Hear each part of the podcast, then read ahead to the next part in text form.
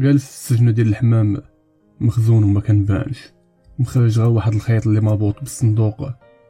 وكنتسنى واحد الحمامه تدخل تاكل باش نجا داك الخيط نطيح على الصندوق ونصيدها من الصباح وأنا سامر ما كنتحركش. هادشي كامل على واحد الحمامة بانت لي كطير فوق السطح ديالنا. من بعد ما تسنيت بزاف وأخيرا جا الفراش. هبطات الحمامة وبدات كتقرب بشويه من الصندوق. هاد الحمامه كانت كتماكن بيا. كتقرب من الصندوق حتى كتقرب تدخل وكتعاود ترجع. بعد المرات كنت كنقول كدير غير بالعاني وقيله بسبب هاد الحمام تعلمت الصبر. كانت كل مره كتقرب من حدا الصندوق كتعاود طير عاوتاني. صافي طلع لي الدم وبديت كنفقد الامل يلا كنت باغي نخرج من السجن وهي تهبطت المره بين الحمامة فيها الجوع ولكن ما زعماش. هاد المره كانت جاية قاصده الصندوق. باش تاكل داك الدار اللي كنت حاط ليها. بقات غادا كتقرب كتقرب حتى بقاو ثواني قلال وغادا تدخل. بديت كنحلم صافي ضبط على مصايف غادي نبيع وغادي نصوفي راسي. مع وقفات في القود ديال الصندوق وبغات تدخل. الوالده حلات الباب هزا المشيره وبغات تنشر الحوايج. حلات الباب بجات وهي طير داك الحمامة. خرجت من السجن وأنا حاقد. الوالدة مع شافتني خرجت ودات داك الصوت. تخلعات مسكينة وغوتات. شبعات فيا سبان ولكن ما ديتهاش فيها هبط للزنقه وأنا حاقد. الوالدة مسكينة كتعيا فيا وأنا كنشوف. الوالدة مسكينة ما حاساش بيا. ما كانتش عارفة غادي ندير العاقه ديال بصح ملي غادي نصيد داك الحمامة. القليله كنت غادي نبيعها بواحد سبعين درهم واش عرفتي شنو هي سبعين درهم لدري عنده عشر سنين. خصوصا إلا كنتي مكحط. سبعين درهم كتبان لك فلوس. سميتي زهير. أنا الوحيد عند والدين ديالي. عايشين في واحد الحي شعبي والملعق فينا عنده محل ديال مواد تنظيف هاد الحي هذا نقدر نقول لكم هو النمبر وان في الحاضيه شي حاضيشي والواعر في هادشي كامل اللي ما كتبغيش تفهم ليا هو الداب كامل كيقول نفس الهضرة. هذا داب الحاضيه ما عرفناش شكون اللي حاضي لاخو اللي سولتيه يقول لك داب الحاضيه دار دار الداب هذا. والله لا طفاتيه. كيتبعوك على أبسط الحوايج. السيد اللي قلت لكم مسكين ملعاق ديال الداب وعنده محل ديال المواد التنظيف شا طوموبيل شا واحد الايركاطا والله الخوت واخا يعطيو لك فابور ما تاخدها. ومع ذلك مسكين. كان كيبلاصيها بعيد على الدب باش ما يضربوش بالعين. الداب كامل عارفين وشاري طوموبيل ومع ذلك ما بغاش يستوعب الفكرة ويدخلها قدام الباب ديال الدار. ملي كيكون مسافر كيخرجوا وليداتو بحال النمل مساكن. واحد تابع واحد حتى للطوموبيل. شي هاز باراسول شي هاز صندالة كل واحد وشنو هاز كيمشي كيسافر وملي كيرجع نفس الشي عاوتاني. بنادم جاي مهلوك من السفر والطوموبيل من بلاصة بعيدة. كيبان لك داك الصف ديال النمل غادي. شي هاز صاك شي هاز مقاج كل واحد شنو هاز حتى كيدخلو داك الشي. وكيخلي الطوموبيل بعيدة. عمرو ما دخلها للدرب. أما بالنسبة لي أنا أكبر حضاية هي أمي رحمة. امي رحمه الدار ديالها ملاصقة مع الدار ديالنا.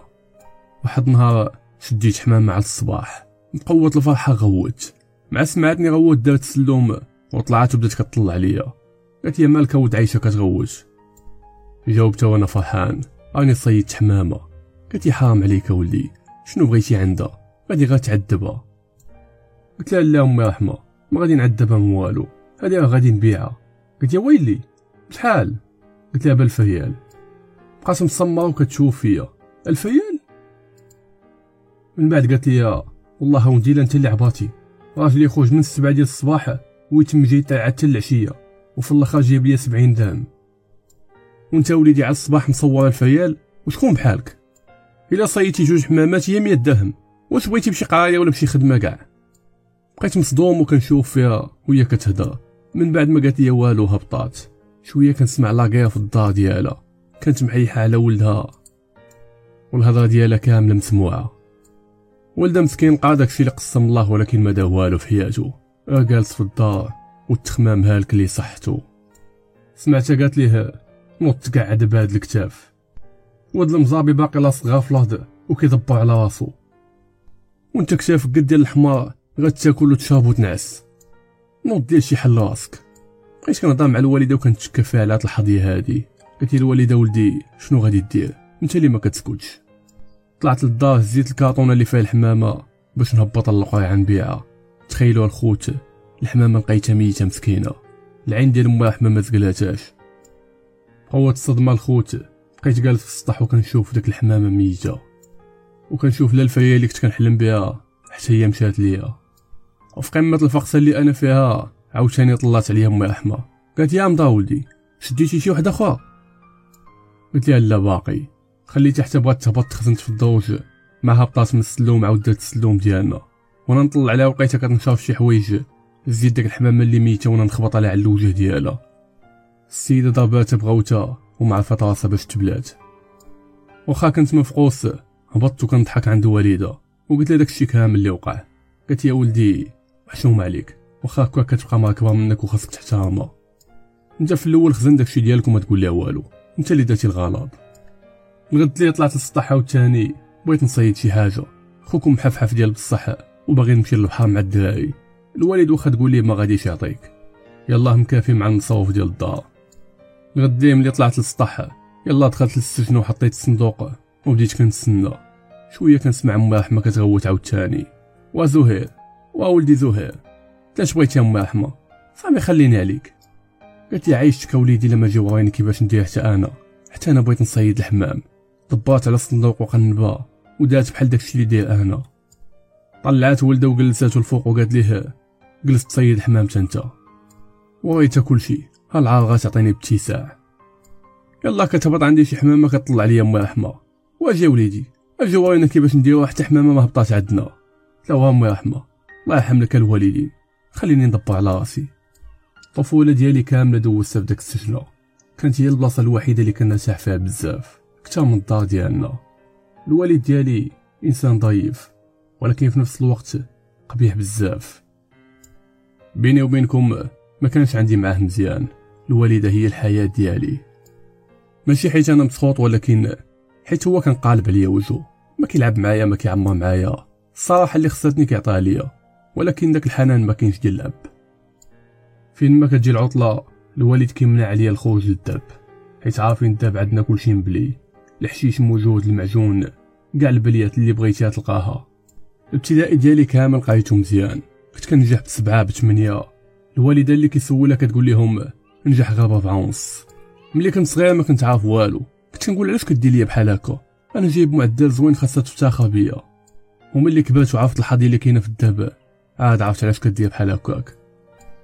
في الداب عندنا تكون قاعة ما عندك حتى زغبة يبقاو يشوفوا فيك ويقول لك واو والله حتى عنده الحجبان بالله. شو الشفار قداش؟ الوالد ديالي ما كانش كيعمر لا في الداب لا في الدار بزاف. داكشي علاش ما كانش عندي معاه بزاف. عزيز عليا غير الوالدة. المهم داز الوقت وأنا غادي وكنكبر. واخا الزلاط كنت عايش بخير الوالدة مسكينة من بعد ما ولداتني كانت باغا تزيد تولد. ولكن مضات وما بقاتش قاده كنت أنا هو كلشي بالنسبة لها أما الوالد كنت نحس بيه عادي ما عزيزش عليه لشي درجة كبيرة. داز الوقت وطلعت الإعدادي.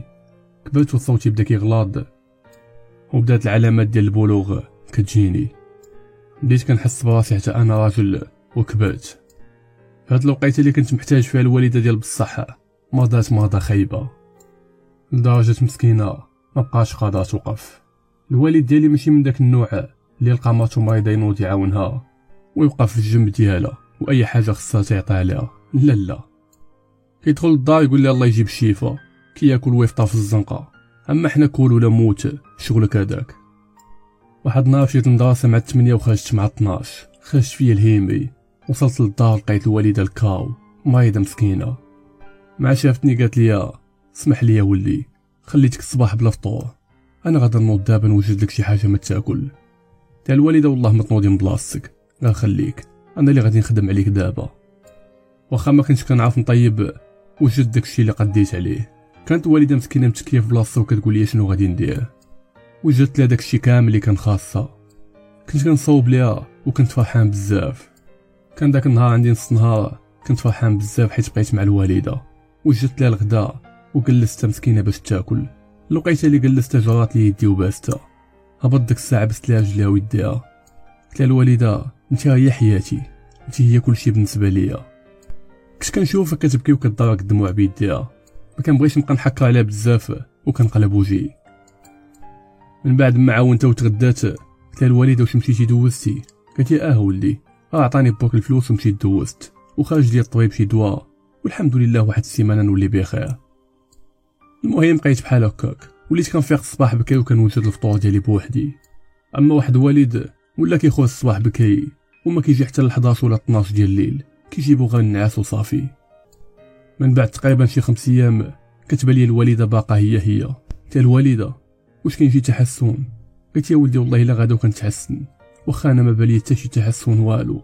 الوالدة ما حد الحالة ديال غدا وكتزاد. كيف قلت لكم من نهار مرضت الوالدة الوالد ما بقاش كيبان الآثار ديالو. كيجي حتى ل 12 ديال الليل. واحد النهار تسنيتو قلت ليه الوالد انت فين غابات الايامات انت مرضك مريضة زعما محتاجاك في الجنب ديالك. قمعني واحد القمعة خايبة. قال لي الحمار تاع بوك انت غادي تواني شنو غادي ندير. قال لي على من خدام أنا؟ على من كنضرب التمارة هادي؟ راه على قبلكم. كنت كنشوف الوالدة ديالي بحال شي شمعة. غادا وكدوب نهار على نهار. واحد النهار كنت جالس في البيت ديالي داير ال kit وكنتصنت لبلال. أفضل مغني عندي. الوالد جا وما سمعتوش. مع دخل الوالد كلقى الوالده متكيه في بلاصتها قال لها أمضى شوية. قالت شوية.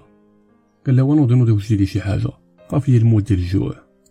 الوالده مسكينة قالت لي واخا ماشي مشكل. ناضت واخا مهلوكة. ما قادرش توقف حتى على رجلها مشات للكوزينة وحلات الثلاجة. وبدات كطيب لي في لاداند الوقيته اللي سالات مزيكا وغتبدا وحدة أخرى. سمعت الكحبه ديال الوالد حيت الكيت بزاف من ودني وأنا كنلقى الوالد دخل وجالس في بلاصتو كيتسنى سلمت عليه وقلت ليه فين هي الوالدة؟ قال لي مشات طيب لي شي حاجة. لي الوالدة عارف ماما مريضه بزاف. بقى كينقول عاوتاني وما عرفتو شنو كيقول. خليته واقف ومشيت كنجري عند الكوزينة.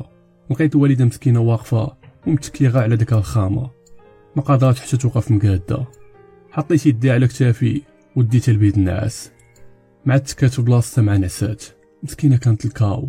كملت أنا الطياب ديال الوالد. وحطيت يتعشى. بقى الوالد شاد السون شي فيلم في الصالون وأنا بقيت جالس في البيت ديالي. ديرونجيت على قبل الوالده اللي مسكينة. كانت كتطلع الناس غير بزز. حطيت التليفون ومشيت لعندها. وبقيت كنشوف فيها من ورا الباب. باش كنشوف فيها مسكينة بحال شي واحد كان كيجري. كانت كتنهج بواحد الطريقة اللي كتخلع. مشيت لعند الوالد وقلت نوض نديو الوالدة للسبيطار. واه تزاد عليها الحال.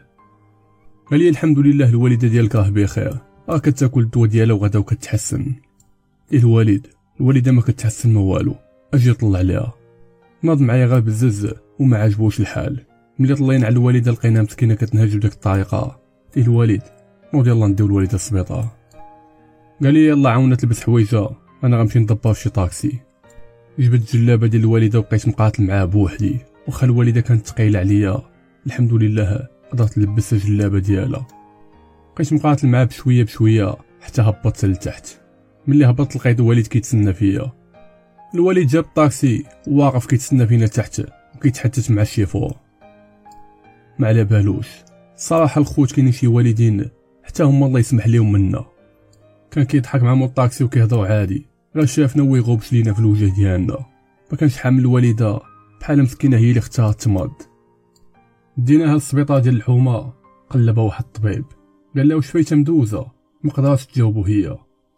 جاوبتو أنا وقلت ليها آه الطبيب فايته مدوزه وخارج لها شي دواء وقال لها غادا تولي بخير ولكن الحالة ديالها غادا وكتكفس. طلع عند الوالدة وقال لها شنو سمي ديال الطبيب اللي دوزتي عنده؟ عطيني الواقع ديالو. فهاد الوقيتة دخل الوالد اللي كان باقي معطل كيخلص الطاكسي. مع وقف حدانا مع سمع الطبيب كيقول لاش من طبيب دوزتي عنده؟ عطيني الواقع ديالو. وهنا كانت الصدمة الكبيرة.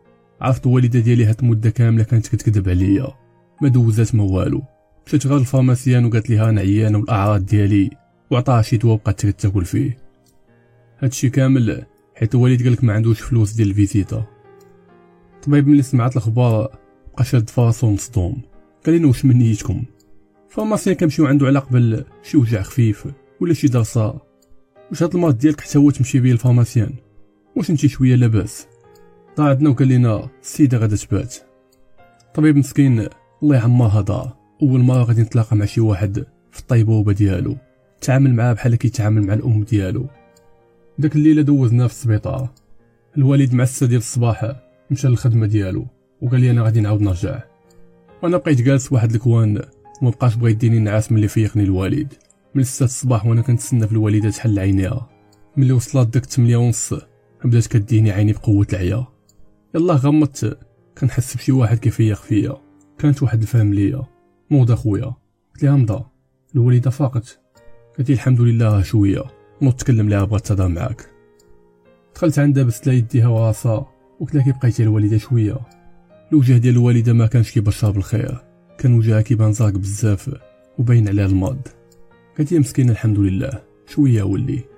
قلت الوالدة ماشي حشومه عليك. قلتي لي دوزتي وانت مشيتي غير ال pharmacien قبل ما نكمل الهضرة ديالي حطات يديها على الفم ديالي. قالت لي صافي ولدي نسى اللي كتب الله هي اللي غادا تكون. تا الوالده متفق معاك. ولكن كون دوزنا بكي كون عرفنا شنو هو الماضي اللي عندك. وما تخليش حتى توصلي لهاد المرحلة هادي. بنتي الوالده مسكينة مزية وما قادرش تهضر بزاف. ما بغيتش نزيد نكمل عليها. صافي قلبت الهضره وما بقيتش جبت لها الموضوع هذا. الحمد لله دابا غتولي بخير. وغادي نرجعوا للدار. وأي حاجة بغيتي أنا نطيبها ليك ما تبقاي طيبي ليا والو ولا لا. مهم هو ترجعي بصحتك بخير. ابتسمت هي مسكينة وقالت لي الله يهدي عليك ولي هاد الوقيتة قالت لي فين هو باباك قلت لها مشى للخدمه ولكن شوية غادي يرجع. أنا باقي كنهضر معاها الوالدة كتبان ليا كتزيا الوجه ديالها بدا كيتزنق بزاف وتخلعت. ما عرفت شنو غادي ندير. خرجت كنجري بحال شي متسطي. الفاميليا الأولى اللي بانت لي عيطت عليها ودخلت كتجري. من بعد خرجتني برا وسدات الباب وعيطات على الطبيب. بداو كيديروا لها شي إسعافات. وخرجت عندي داك الفاميليا والقلب ديالي كيضرب في التسعين وشاداني الموت ديال الخلعه قلت لها مضى كي بقات الوالده قلت الحمد لله دابا شوية. عافاك ما تبقاش تدخل عندها حتى نعطيك الإذن باش تدخل. قلت صافي كوني هانية. بقيت كنطلع غير من الجاج وكنشوف الوالده ديالي مسكينة غادا كتضيع من بين يدي. بقيت داك النهار كامل وأنا كنتسنى في الوالده ما فطرت ما تغديت ما درت والو. حتى للخمسة ديال العشية. جات عندي واحد فامليه وقالت لي اولدي واش كليتي شي حاجة ولا والو؟ لا والله خالتي ما عندهم منين يدوز قالت أجي معايا أجي. دخلت معاه لواحد ال chambre عطاتني واحد جوج بنانات ودانون بقات كتعاود لي بزاف على الدين وكتقول لي بلي الموت علينا حق وأي واحد يقدر يموت. صراحة الهضرة ديالها كانت معقولة ولكن ما عجبتنيش. كنت نحس بها بحال كتلمح ليا شي حاجة. المهم خرجت من عندها الهضرة اللي قالت لي كاملة ما دخلتهاش لراسي كاع. بقيت واقف حدا الشومبا اللي فيه الوالدة. شوية كيوقف حدايا الوالد مبدل حوايجو مدوش. مالي في الحالة ديالو مزيان. قال لي أمضى كي بقات الوالدة. بقيت كنشوف فيه وما حملتوش ديك الساعة. قلت بحالي بحالك؟ باقي ما شتاش. بقينا بحال هكاك العشية كاملة. والو محلوش عليها فيما كنسول فامليا كتقول لي الحمد لله شوية. وصلت تسعود ديال الليل. قال لي الوليد صافي بارك عليك. سير ترتاح دابا حتى الغدا وجي قلت لا؟ ما غاديش نمشي هنايا حتى ندي معايا الوالدة. بقيت كنشوف فيه وقلت ليه إلا بغيتي تمشي نتا الوالد غير سير. راني عارفك خدام والخدمة عندك ولا من كل شيء. بقى كيشوف فيا ويمشي لواحد الكوان ويجلس من بعد جات عندنا واحد الفاميليا وقالت لينا ها ولات شوية دابا. إلا بغيتو تدخلوا عندها تقضوا جا الوالد هو الأول وخليتو يدخل بالعاني. باش الوالدة تقول على الأقل آه اللي جا لعندي. دخل عندها وبقى كيهضر معاه شحال تقريبا شي ربع ساعة. من بعد خرج وقال لي تكلم الوالدة ديالك. دخلت عنده والوالده كانت الحالة ديالها تزادت كثر من الأول. قالت اسمع ولي عفاك وما تقاطعنيش ما قادرش نهضر. كنت نتمنى نعيش معاك ونشوف كيف تمنيت. ونزوجك باللي تمنيتي ونشوف وليداتك. ولكن ربي ما كتبش ليا. الحمد لله غادي نخليك راجل. قطعت وقلت لها الوالدة. انت عارفة هاد الهضرة هادي ما كتعجبنيش. قالت لي اسمعني يا ولدي الموت لابد منها واحد النهار غادي نموتو كاملين وأنا ساعتي قربات بغيت نعترف لك بشي حاجة وبغيتك تسمح لي دابا قبل ما نموت. قلت الوالدة أنا مسامح لك من دابا على أي حاجة واخا ما عرفت شنو تكون. المهم هو تنوض ليا بخير ولا خير قلت يا ولدي قبل من علي كنت مزوجة بواحد الرجل آخر اللي هو بوط الحقيقي. ومن بعد كان مرض ومات وتزوجت بهذا السيد هذا. هذا ماشي باك الحقيقي. قلت الوالدة أقسم لك بالله الا كنت حاسب هادشي. عمرني حسيت بيه شي نهار هو الوالد ديالي. والوالد أنا ما عنديش مشكل. كيف كان با ولا لا ما عنديش مشكل. مهم هو تنوض انتي بخير ولا خير. حيت بصح الخوت كيف قلت لكم في الأول عمرني حسيت بيه شي نهار كيبغيني. كنت ديما كنقول مع راسي واش هذا لاقيني في الزنقة ولا شنو؟ قالت يا ولدي ما تقولش بحال هكاك. واخا هكاك هو في المقام ديال باك. هو اللي رباك ملي كنتي صغير. وهو اللي كان كيصاف عليك حتى كباتي وتقادو كتافك عافاك ولدي احترمو وأني وصيتو عليك.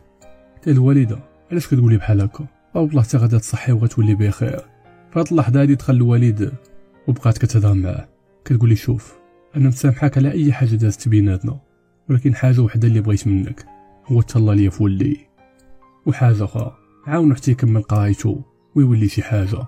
راك عارف ولدي كيقرا مزيان. حط يدي على كتافي وقال لها كوني هانية. زهير راه ولدي وغادي نحطو فوق عيني. كنت داك الساعة كنبكي بواحد الطريقة اللي خايبة بزاف. حتى دوك الدموع اللي في عيني ما بقاوش مخليني نشوف. كنشوف غير الضبابة. من بعد ما مسحت عيني وبديت كنشوف في الوالدة لقيتها كتشوف فيا مفيكسيه فيا وما كتحركش. والدموع في عينيها. الوالد في هاد اللحظة جاني لعندو وحط يدي على عينيها وما يتسدو. عندك مسكين وبدا كيبكي وقال لي البركة في راسك ولدي. الفاميليا دخلت ديك الساعة ملي شافت الوالده قالت لنا البركة في راسكم. ولحت لي على الوجه ديالها وما بقى كيبان والو. هنا الخوت طلعت الكتبة ديال حياتي. كنت كنحس براسي صافي ساليت ما بقى عندي علاش غادي نعيش مازال. خرجني الوالد من داك ال chambre ما درت حتى شي ردة الفعل. بقيت مصمر وكنشوف الناس كل واحد وهمو. كل واحد غادي كيتجرى لهاد القنت. شي راجع كيجري شي كيبكي. وأنا باقي ما استوعبتش شنو زعما امي ماتت هادشي الخوت ما غادي نحس به حتى غادي يهزني الوالد في طاكسي direct للدار. غادي يحطني تماك وغادي يقول لي تسنى هنايا. ومشى هو يكمل الاجراءات باش يعطيوه الوالده باش يدفنوها هنا الخوت عرفت المعنى ديال امي ماتت شنو هو. هو أن الدار تولي تجيك بحال شي كاف ماشي دار. وأحن أم في العالم ما غاديش تبقى تشوفها ما غادي تلقى مع من تناقى الصباح ومع من تضحك دابا بالضبط ما كاينش اللي غادي يتسوق ليا. الوالد في الحياة ديال الوالده وعمو ما شاف فيا عاد دابا ملي ماتت وعاد زيد أنا ماشي ولدو من صلبو. في لحظة الخوت لقيت راسي يتيم يتيم الأب والأم بجوج. بقيت جالس شحال شوية تفرقعت بالبكا. أخيب نهار دوزتو في الحياة ديالي وعمرو ما يتنسى ليا. شوية كنسمع الدقان كنلقاها امي رحمة. جابت الخبار ديال الموت ديال الوالدة. من بعد العيالات بداو كيدخلوا والدار بوك كلشي كيعنق فيا وكيبكي. صراحة الوالدة كانت عزيزة على الدرب كامل. كانت داخله سوق راسها وما عندهاش مع المشاكل من بعد تقريبا شي ساعتين كنسمع الصوت ديال لومبيلونس جات. جابوا الوالدة قدام الباب ديال الدار. دخلوها وغسلوها في دارها. ومن بعد عاوتاني هبطوها وديناها للمقبرة. مشيت دفنت الوالدة والدموع في عيني ودفنت معها حياتي. ورجعت واحد آخر. خالتي اللي عايشة في الشمال مسكينة مع ساق الخبار جات كتجري ولكن ما وصلات حتى لقات اختها دفنات في القبر ما بقاتش شافتها هاد خالتي مسكينة خلات وليداتها وجات عمرات علينا الدار شوية. العذاب ديال بصح كيرجع ملي كترجع الحياة للطبيعة ديالها طبيعة الحال عندهم هما. أما حياتي أنا عمرها ترجع كيف كانت. خالتي رجعت للشمال حيت خلات وليداتها بوحدهم والجيران كل واحد ولا كيدير في حياته. وبقيت أنا والوالد راس في راس من بعد تقريبا شي ربع أيام ولا خمس أيام ما بقى كيجي عندنا حتى شي واحد. كنت كنفيق الصباح واخا كنت كنصايب فطور بوحدي في الدار. ما بقيتش حامل نجلس فيها وليت كنفطر عند مول مسمن وكنتغدى bocadillos. وفي الليل الوالد ملي كيجي كيجيب معاه شي حاجة. هذه هي حياتي. ما كاينش اللي حس بالموت ديال الوالده قدي أنا حيت أنا اللي وليت عايش بوحدي في الدار. الوالد بقى العادة ديالو كيف كان في الأول. ما كيجي حتى ل 11 ولا 12 ديال الليل. يعني عايش بوحدي في داك الدار.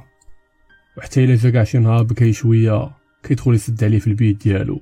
وكنسمعو كيضحك في التليفون. ما عرفتو مع من كيدوي. شحال من خطره مع العشرة ديال الليل. كنطلع السجنه ديال الحمام. وكنبقى جالس. كنبقى نتفكر في الوالدة اللي كانت ساعة ساعة كطلع ليا. ولا مسكينة كتجيب لي شي حاجة ناكلها. كنبقى تما حتى لربعة ولا خمسة الصباح بداك السطح وكنهبط. عايش بداك السطح بحال شي جن. شكون اللي غادي يخاف عليك؟ الوالدة مسكينة اللي كانت كتوصل السبعة العشيه كتقول لي هبط آه ما مزيانش تبقى بوحدك الفوق. الوالد واخا تموت كاع. ما غاديش يديها فيك. نسيت حكا هو غراج الوالدة. من بعد شي شهر ولا ما شهر ونص داكشي اللي كنت معول عليه هو اللي وقع. الوالد بدا كيتشكى. الحوايج ديالنا موسخين وما كاين اللي طيب لينا ما ناكلو. كنت عارف علاش كيدق ولكن شغلو هداك. حياته هاديك أنا ما عندي ما ندخل فيها. الوالد ولا يوميا كيصحى كيهضر في التليفون مع شي وحدة. من بعد تقريبا شي 15 يوم قال لي راني قررت نتزوج. راني معذب. كنمشي بلا فطور وكناكل في الزنقة. وملي كنجي في الليل عيان من الخدمة. ما كنلقى والو. بغيت كنشوف فيه وقلت لي حقك هداك الله يسهل عليك. داز تقريبا شي 3 أيام. جاب السيدة للدار. السيد كان موجد لكلشي. ما عرفتش علاش زعما كيسول فيا. ولكن الصدمة الكبيرة اللي ما كنتش متوقعها كنت كنقول غادي يتزوج بشي وحدة صغيرة شوية. تزوج بواحد السيدة اللي كبيرة وعندها جوج ديال الأولاد. واحد عنده عامين والبنت تقريبا عندها 8 سنين. ما فهمت والو. كيفاش زعما هو خدام بولادها شوية قلت دبر راسو. حياته هاديك. المهم السيدة جات للدار لقاتني تماك. سلمات عليا. ودغيا اندمجات معانا. أما الوالد جاني بحال كيعرف سنين هادي. ما داو عاس ما داو نهار بحال لقاها في الدوار وجابها للدار حتى من ولادها كيقولوا ليه بابا. ما فهمت والو. ما بغيتش نبقى نسول بزاف. كل واحد يدبر راسو. أنا بارك عليا غير همي. في الأول ما كنتش كنعمر معاهم ولكن داك السيدة صراحة كانت كتعامل معايا مزيان. كانت فيما كتصوب الفطور كتجيب لي الفطور حتى البيت عندي. واحد بنتها الصغيره اللي سميتها مروة. الله يعمرها دار. بنت زوينة بزاف وكانت ديما كتجي كتلاهيني. كتبقى تلعب معايا. وكنت عزيز عليها. من بعد مسكينة ولات كتعيط عليا غا خويا. في الأول كنت حاقد وما كانش عاجبني الحال ولكن من بعد ارتحيت معاهم. الوالدة ديالي توفات في العطلة. ملي بدات الدراسة ما بسيت تسجلت ما درت والو. صراحة الخوت كنت حاقد وما حامل كاع ندير والو. سولتني مرات الوالد علاش ما مشيتيش تقيتي في المدرسة؟ قلت صافي مبقاش عندي الخاطر. دارت فيا وصبناتني مزيان. ملي جا الوالد دوات معاه وعطاني باش نشري الادوات ديالي كاملين. داكشي اللي كان. مشيت تقيت في المدرسة ورجعت للدراسة ديالي. كانت ديما مسكينة داك السيدة كتزعمني وكتقول لي خاصك تكون كيف تمناتك الوالدة. واخا ماتت آه باقا كتشوف فيك دابا. الصراحة كانوا كيتعاملوا معايا مزيان. كانت السيدة مسكينة ديما تصب لي حوايجي كنلقاهم محطوطين. الماكلة ديالي في الوقت كانت مهليه فيا وداياني بحال واحد فولادة. دازت الوقت بزاف ونجحت داك العام كيف العادة؟ ديما معدل طالع. كنت ديما كنجي نراجع مع أختي مروه اللي كانت عزيزة عليا بزاف. كان كلشي هو هذاك. الحاجة الوحيدة اللي كانت كتجيني عجب هي كيفاش الوالد من نهار تزوج بهاد المرة الثانية ولا كيجي للدار مع الخمسة ديال العشية. عمو شي نهار بقى حتى 12 ديال الليل. قلت مع راسي يمكن الخدمة ديالو تبدلات ولا شي حاجة. المهم دازت الوقت. والصراحة كنت عايش معاهم بخير. كانوا كيتعاملوا معايا مزيان. واحد النهار كنسمع الدقان. ملي حليت الباب كنلقاه واحد الولد. الدري دخل زاب عليا ببعض البوسات. وبغى يدخل مع الباب. قلت خويا فين داخل؟ الوقيته اللي كنقول ليه بحال هكا. مات الوالد سمعتني جات طلات وجات كتجري وتلاحت عليه عنكاتو عرفتو من بعد أنه خوها. هدا اللي كان تقريبا في التقاعد ديالي. كانت عندنا شي 12 عام. المهم دوز معنا النهار الأول النهار الثاني. عرفت من بعد أنه غادي يجلس معانا. جا باغي يقلب على شي خدمة من بعد ما كملش القرايه ديالو. الدري كان ضعيف كان سميتو كريم. défaut واحد اللي كان فيه هو كان مبلي. كان كيعاود ليا بلي كاع البليات دوزهم ودابا البلية الوحيدة اللي باقي كيدير هي الحشيش والمعجون. بقينا بشوية بشوية حتى بدينا كنزعموا على بعضياتنا. من بعد ولينا كنطلعوا للسجن الفوق وكان ديما كيبقى يتكيف كيخنزني بداك الكاو اللي ما كنتش كنحملو كاع عيا معايا باش نجرب حتى أنا شي نطات ولكن ما تشديتش ليه. المهم دازت الوقت وكان كلشي هو هداك ولاد كريم هذا هو عشيري كنتيكم ديف واحد اللي فيه هو البلية. كنت ديما كنهضر معاه باش يقطع داك الزبل. من بعد ما دوز معانا شي خمس شهور كانت اختو ديما كتدبر عليه. كان باقي ما خدم والو. حدو كيتقدا شي طريفة كيقول يلا نطلعو للسطح كيبغي ياخد راحتو تما كيتكيف وما كيشوفو حتى شي واحد. واحد النهار بقينا جالسين في السطح حتى لشي الوحده ديال الليل. شبع جوانات مزيان وأنا دخت غير بالدخان ديالو. من بعد هبطنا نعسو كان داك الساعة الصيف وكانت عندنا واحد الصالة اللي مبرده هذيك الصالة كلشي كيبغي ينعس فيها. كان الوالد هو وماتو كينعسو في بيت نعاس. وأنا وكريم كنا كنعسو في الصالة. وحتى ولاد الصغار كنت كتجيبهم تماك حيت بارد عليهم شوية. المهم داك النهار نعسنا في الصالة. ما هو كانت نعسة في السداري الآخر.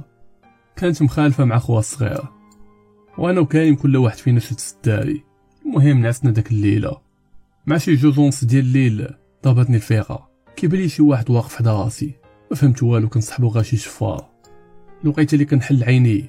كنلقى الميكروب ديال كريم حيد على ماور مانطا وكيحاول يحيد لي حويجه أنا الخوت تسعقت مازال باقا صغيرة؟ يلا عندها تسع سنين. هاد اللحظة ما عرفتش ما ندير. بديت كنكحب على الجهد ويجمع الوقفه ورجع لبلاصتو. من هاد النهار الميكروب خرج ليا من خاطي. ما بقيتش كنجلس معاه ما كنعمرش معاه كاع. فين ما كيجي يهضر معايا كنقلب عليه.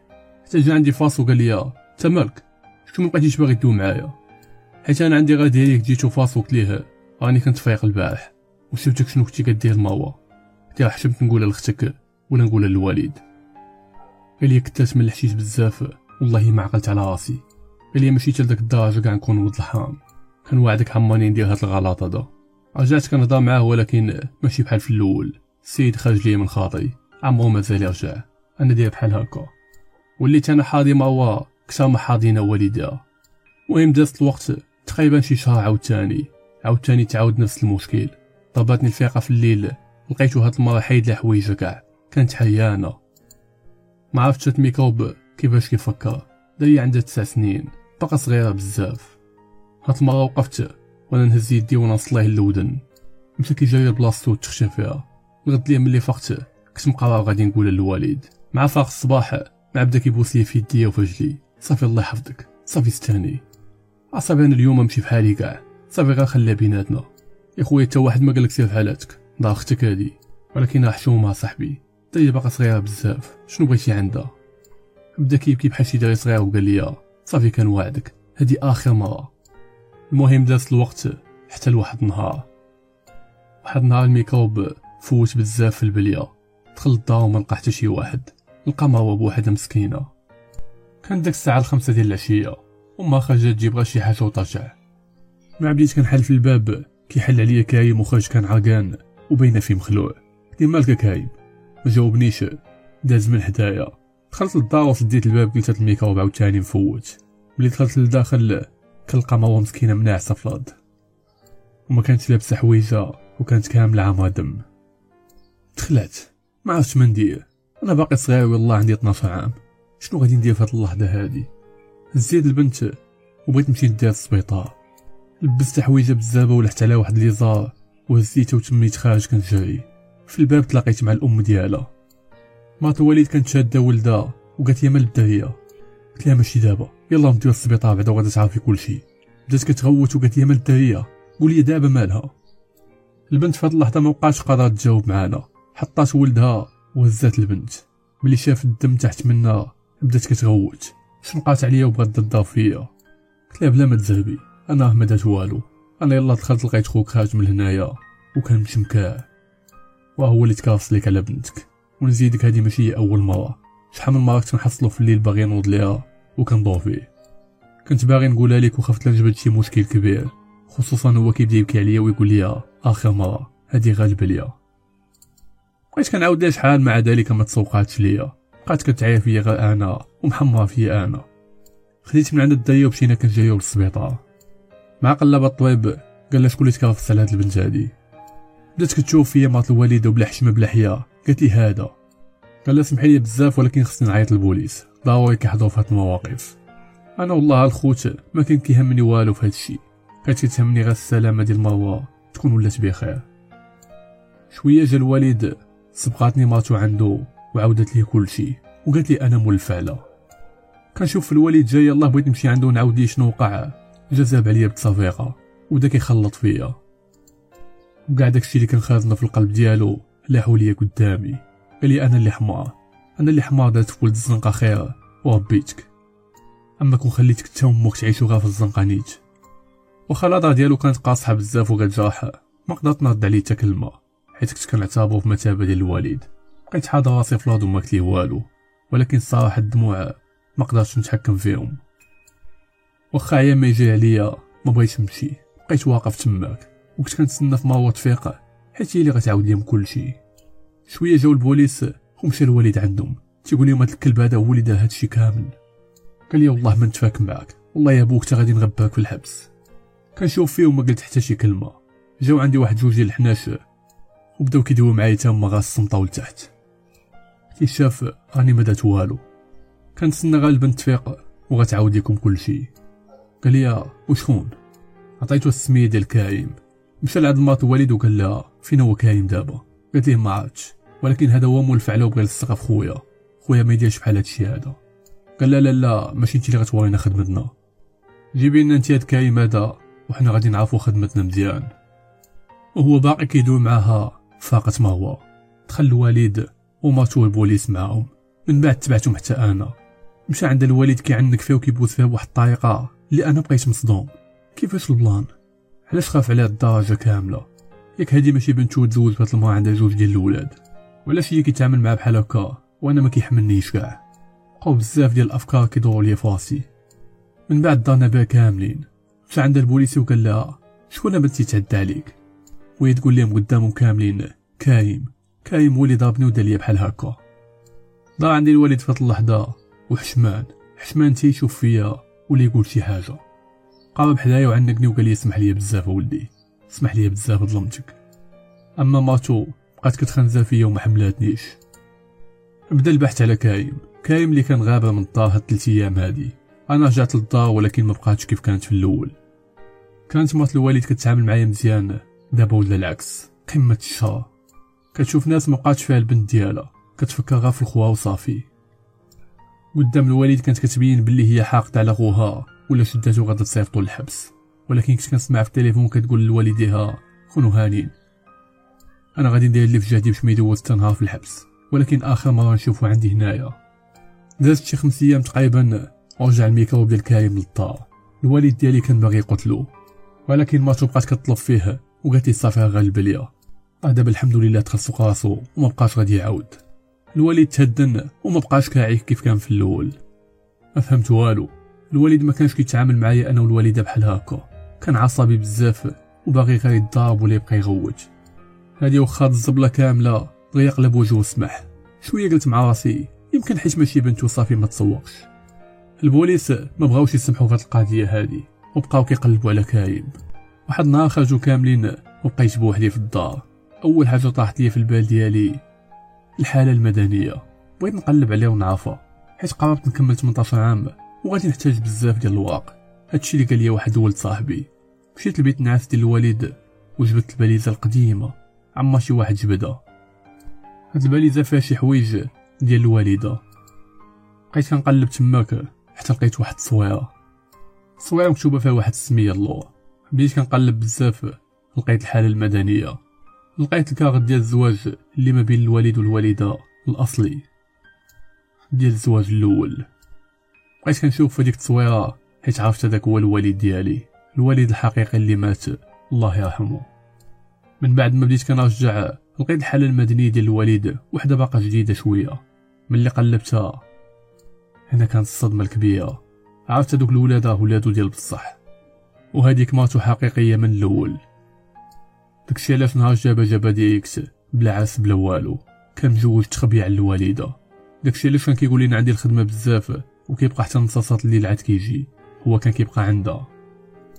كنت حاس من الأول غير ملي شفتو تخلع على بنتو بحال هكاك. حسيت بلي هذيك بنتو ديال بصح. من الطريقة ديال التعناق والبوسة اللي كان كيبوسها كان باين خايف عليها. ملي ساليت طلعت للسجن ديال الحمام وبقيت كنشوف التصويرة ديال الوالد وخليتها في الجيب ديالي. وصلت الستة ديال العشية كيجيو البوليس. كيف العادة كان صحابهم كيقلبوا على كايم ولكن هاد المرة كيسولوا عليا أنا. كيشاف ياك لاباس قال لي حتى ليه وغادي تعرف كلشي. داوني للكوميسارية ولصقوا لي الاغتصاب ديال كيشاف ها البوليس حضروا سولوها وجاوباتهم بلسانها قال لي ولدي اش غادي نقول لك؟ أنا ماشي شغلي في هادشي كامل. ذنوبك على اللي جابك ولا اللي دار لك شي حاجة. من بعد دخل الوالد وماتو ودخل كايم ودخلت مروه حتى هي. الكوميسير جا عند مروه وشاف فيها. قال شكون اللي تكافص عليك؟ وقفني أنا وكايم بقات كتشوف فينا شحال. من بعد مروه مسكينة بقات كتشوف فيا والدموع في عينيها هزت يديها وقالت لهم هذا ومن بعد بدات كتبكي. عرفت مسكينة كلات قتلها من عند أمها وهي اللي قالت لها تشهد فيا. وراجل الوالدة وخا وصاتو باش يتهلا فيا. على الأقل كان الإمكان ديالو باش يحميني غير من الحبس. ما تسوقش ليا حتى هو وشاف فيا كندخل الحبس ظلما وعدوانا. المهم عمو ديال المحضر كلشي ضدي سينيت عليه بلا ما نفكر. وليت كنقول اللهم الحبس ولا نعيش مع هاد المكايب هادو. من بعد ما سينيت المحضر وداو لي المينوط وتمو مدخليني واحد المنظر اللي وقع عمو ما يتنسى ليا. ما واجات كتجري قالتني وكتبكي. قالت فين غادي يا خويا؟ ما غاديش تمشي معنا للدار. تحنيت عنك تو بس توكت ليها لا غاسي انتيا. الله يخلي لك باباك وماماك. كاع داك القباحه اللي كانت في الوالد وداك السلطة كاملة مشات. حادا راسو كيتفرج في ماتو كدير اللي بغات. بقات كتشوف فيا وكتبتسم زعما راه انتصرت في الأخر. دوزوني عند الوكيل ما قلت لي حتى شي كلمة. قال لي دوي ولا غادي تغرق في الحبس. قلت لي كيف دويت؟ كيف ما دويتش داخل داخل الحبس. داك السيد جاتو غيبات القضية. قال لي عاودي القصة ديالك كاملة. عاودت ليه من الأول حتى الأخر. ولكن كيف قلت لكم ما نفعني بوالو. تعاطف معايا بشي كلمات ومن بعد قال لي الله يطلق سراحك وصيفطني للمحكمة. اللي ضربوني بخمس سنين ديال الحبس. كنت واقف في المحكمة وما نسوق لوالو. كنت كنتسنى غا في القاضي إمتى يحكم باش يديوني يحيدوني من هنايا. حتى شي واحد ما حضر المحكمة ديالي لا الوالد لا ماتو. ما عندهمش الوجه باش يجيو يشوفوا واحد الانسان اللي داو الحبس ظلما وعدوانا. المهم بديت حياة جديدة في الإصلاحية. جات عندي واحد السيدة تماك الله يعمرها دار سولتني على المستوى الدراسي وعاودت لها كلشي قالت لي مزيان أنت دابا غادي تكمل القرايه ديالك هنا. قلت لا ما بقيتش باغي نقرا. ما بقيتش باغي ندير والو في الدنيا. عيات معايا مسكينة باش نقرا ولكن كان راسي قاصح. صافي طلع لي هادشي كامل في راسي وما بقيتش حامل والو. المهم بديت المعاناة ديال بصح. يوميا المضاربات خاصك تفاض راسك هنا إلا ما بغيتيش تبقى ضحية. كانوا في الأول دراري كيقصاو ماتشات وكنت مبعد عليهم. ما كان عمر مع حتى شي واحد. حتى واحد ما كان عارف شنو تحت راسي. بقات داك السيدة كل مرة كتجي لعندي. ملي شفتو معيقوا عليا بزاف دخلت واحد السونطا لا باش يبعدوا مني وصافي. من بعد ما دوزت عام ونصف في داك الإصلاحية واحد النهار كيجي عندي واحد الحارس وقال لي عندك واحد الزيارة. بقيت كنتعجب. شي شكون اللي غادي يجي عندي؟ أنا يتيم وما كنعرف حتى شي واحد. قال لي أنا متأكد من السمية. غير خرج شوف وداك الساعة إلا كان غلط رجع في حالاتك. خرجت معاه كنلقاه الوالد الوالد سيدي يجي يشوفني. مع شافني جا كيجري عندي بغى يعنقني. تعتو بيدي وقلت ليه سلم بليد حسن. لي علاش كتقول لي بحال هكا؟ واخا هكاك أنا باقي باك عارف راسي غلطت معاك بزاف. داكشي علاش جيت عندك باش نطلب منك السماحة. ما عرفتش ديالاش هاد السماحة اللي جاي كيطلب فيها. من بعد ما ضيع ليا القرايه ديالي وضيع ليا حياتي بهاد الخيريه صراحة ما قدرت نقول ليه حتى شي كلمة. نضت وخليتو جالس ومشيت في حالاتي. ولا تقريبا الوالد كل سيمانة كيجي لعندي. كيجيب ليا كاع داكشي اللي خاصني. كنت كنخليه تماك وما كناخدوش. كياخدو غير الحراس ولا كيعطيو لشي حباس أخوين؟ حتى لواحد النهار جا عندي واحد في الحراس اللي كنعرف القصة ديالي كاملة. قال لي شوف أنا عارفك مدور وبقى فيك الحال بزاف. ولكن كيف ما كان الحال السيد راجل كبير وكيبقى في مثابه ديال الأب ديالك. وأنت كتشوف كل سيمانة كيجي على قبلك وما كيخلي ما يجيب. يعني السيد ندم على داكشي اللي دار. صافي اسمح ليه. وربي إن شاء الله غادي يعوضك. علاش كنفكر في الهضره اللي قال ليا وقلت صافي ماشي مشكل. كل واحد منه الله اللي خلقه وليت كنخرج عنده وكنجلس معاه. سولته على أعز وحدة عندي يا مروه قال لي الحمد لله بخير واه ديما كتسول عليك. قال لي إن شاء الله المرة الجاية إلا لقيتي باش ندير غادي نجيبها لك تشوفها الوالد قال لي أنا وليت كندور بالخدمه بغيت نجمع شوية ديال الفلوس باش ندير لك شي محامي ونستأنفوا على هذا الحكم هذا. على الأقل ينقصوا لك شوية. قلت صافي بلا ما تصدع راسك. الوقت غادي وكيدوز. الحمد لله أنا بخير هنايا. الوقت غادا وكدوز والوالد ولا مواظب. كل سيمانه كيجي عندي مرة وكيجيب لي كاع داكشي اللي خاصني. واخا ما كنطلب منه والو. داز العام الأول الثاني الثالث كملت ربع سنين. من الزهر ديالي باقي لي عام ديال الحبس وباقي لي يلاه عندي 17 عام. يعني غادي نكملو عاد نكمل 18 عام. ما غاديش نمشي للحبس ديال الكبار بعدا. غادي نبقى غير مع هادو على قدي. كنت كنخلي ضربهم كاملين. بزاف ديال الدراري كانوا مشدودين معايا. كان كيجي شي عيد كيستافدوا من العفو الملكي. إلا أنا ما عرفتش على السبب. المهم كملت المدة ديالي كاملة واخا ما كنت كنجبد لا مشاكل لا والو. كان الدوسي ديالي نقي ما نقصوا ليا والو. نهار اللي خرجت لقيت الوالد كيتسناني قدام الباب. عندك مسكين وقال لي والله صافحت ليك. اولدي كنتمنى من الله حاجة وحدة. هو تسمح لي على هاد خمس سنين اللي ضاعت لك بحياتك بسببنا تم غادي بيك فين غادي دابا؟ قال لي الله معايا للدار. إلا الوالد. اسمح لي هي ما يطلب فيا شحال باش نمشي معاه وما بغيتش. قال لي ماشي مشكل. تسناني في القهوة هنايا. أنا غادي نمشي نكيلك واحد البلاصة ونجي. بقيت مريح في القهوة كنتسنى فيه. شوية تمجيه هو وماتو. بداو كيطلبوا فيا بجوج. قال يسمح لي بزاف. أنا عارف راسي غلطت. رجع للدار. والله حتى ما هو كتسول فيك. وغترجع حياتنا كيف كانت في الأول. حتى كريم راه صيفطو في حالاتو ما كنتش باغي نمشي ولكن ملي قنعوني قلت لهم صافي ماشي مشكل. مشيت معاهم واخا ما حاملش نمشي داك الدار. بيني وبينكم حيت كنت عارف راسي ما عندي فين غادي نمشي. داكشي علاش مشيت؟ دخلت لقيت تبارك الله ما هو كباس بزاف. شافني وما عرفاتنيش حتى قالوا لي شكون؟ عاد جات عند قاتني وسلمات عليا. المهم التعامل اللي كانوا كيتعاملوا معايا في الدار تعامل بوحدو. عمرهم في حياتهم تعاملوا معايا بحال هكاك. حتى لدرجة ولا كيدخلني الشك. دوزت معاهم تقريبا شي 3 شهور. من بعد وليت كنخرج نقلب على راسي. وليت باغي نخدم ولا نتحرك. المهم ندير شي حاجة. الوالد كان شاري طوموبيل في هاد المدة ديال خمس سنين. واحد الطوموبيل اللي زوينة. جا عندي واحد النهار وقال لي غادي ندير لك واحد الوكالة. انت تتحكم في الطوموبيل دير بها اللي بغيتي. بحال غنتسمى بعتاليك ولكن غير بالوكاله قلت علاش هادشي كامل؟ قال لي واحد السيد كيتساني شي فلوس وبغى يدفع ليا واحد الشيك. ولا لقاو الطوموبيل سميتي غادي نديوها ليا. قال لي غادي تخلي عندك الطوموبيل غير بين ما قلت المسائل ديالي. بما وجدت لي الفلوس وعطيتوها سخو لي صافي ما كاين حتى شي مشكل. لقيت الوالد موجد كلشي. جبد لي الحالة المدنية القديمة ديال الوالد الأصلي ديالي والوالدة وبديت كنصوب في لاكارت ضاف 15 يوم صوبت la carte وهي قلت الورقات ديالي كاملين. من بعد الوالد صوب واحد الوكالة في السيبير وجابها ليا مشيت أنا وياه المقاطعة وقال لي زيناها. ولا الطوموبيل في سميتي. بديت كنتعلم السوقة واخا ما عنديش ال permis بطبيعة الحال بالموافقه ديالو. وزيد هو اللي كان كيعلمني سيدي نسوق. آه التعامل ديالو تبدل معايا حتى للدرجه هادي. وما بقاش كيغوت عليا. كنت كنقول مية في المية حسوا بالذنب وانبوا من الضمير ديالهم. والصراحة داك الحقد اللي كان من جهتهم بدا كينقص بشوية بشوية حيت بداو كيتعاملوا معايا مزيان. من بعد ما الوالد قال المسائل ديالو قال لي جي دابا نديرو الوكاله رجع لي الطوموبيل ديالي. مشيت معاه ورجعت لي الطوموبيل المهم بقيت عايش معاهم ودبرت في واحد الخديمة واحد لوزين ديال الصباط. وليت كنتحرك معاهم.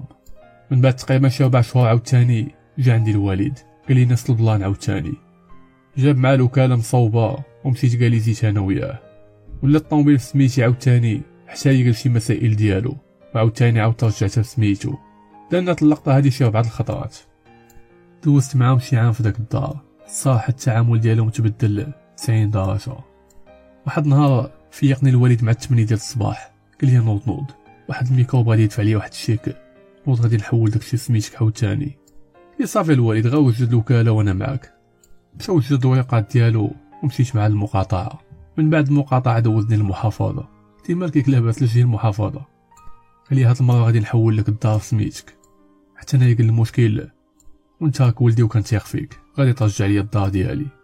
قلت ماشي مشكل. المهم بقيت كنجي أنا وياه على الواق وكنمشيو للمحافظة. مع المحافظة دوخني داك النهار. ما خليت فيه مشيت معاه.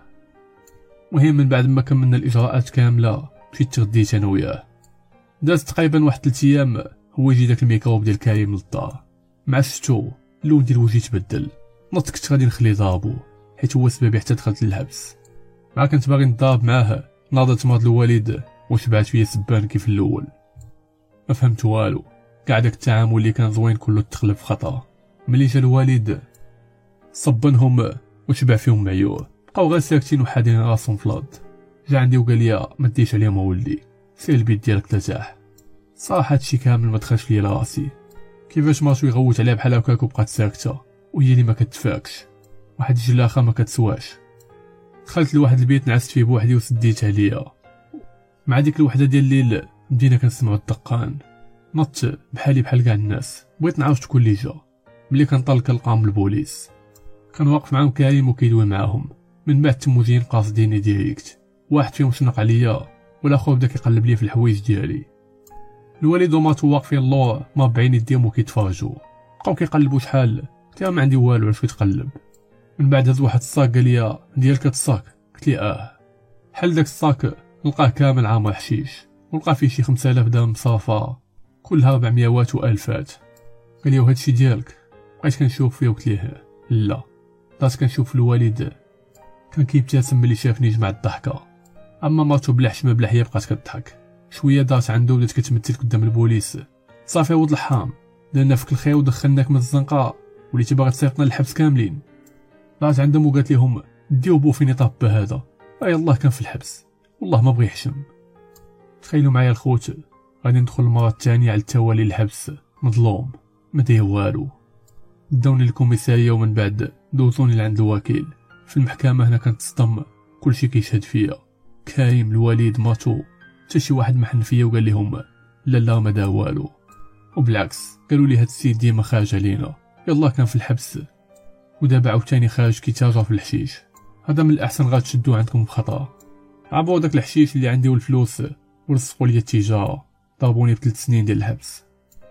هاد المرة ما غاديش نمشي للاصلاحيه الحبس direct الحاجة الوحيدة اللي بقات في البال ديالي هي ملي كنت كنشوف الوالد كيشهد فيا حتى هو وتيقول لي ما طلباهوش ما بغاش يقعن عليه.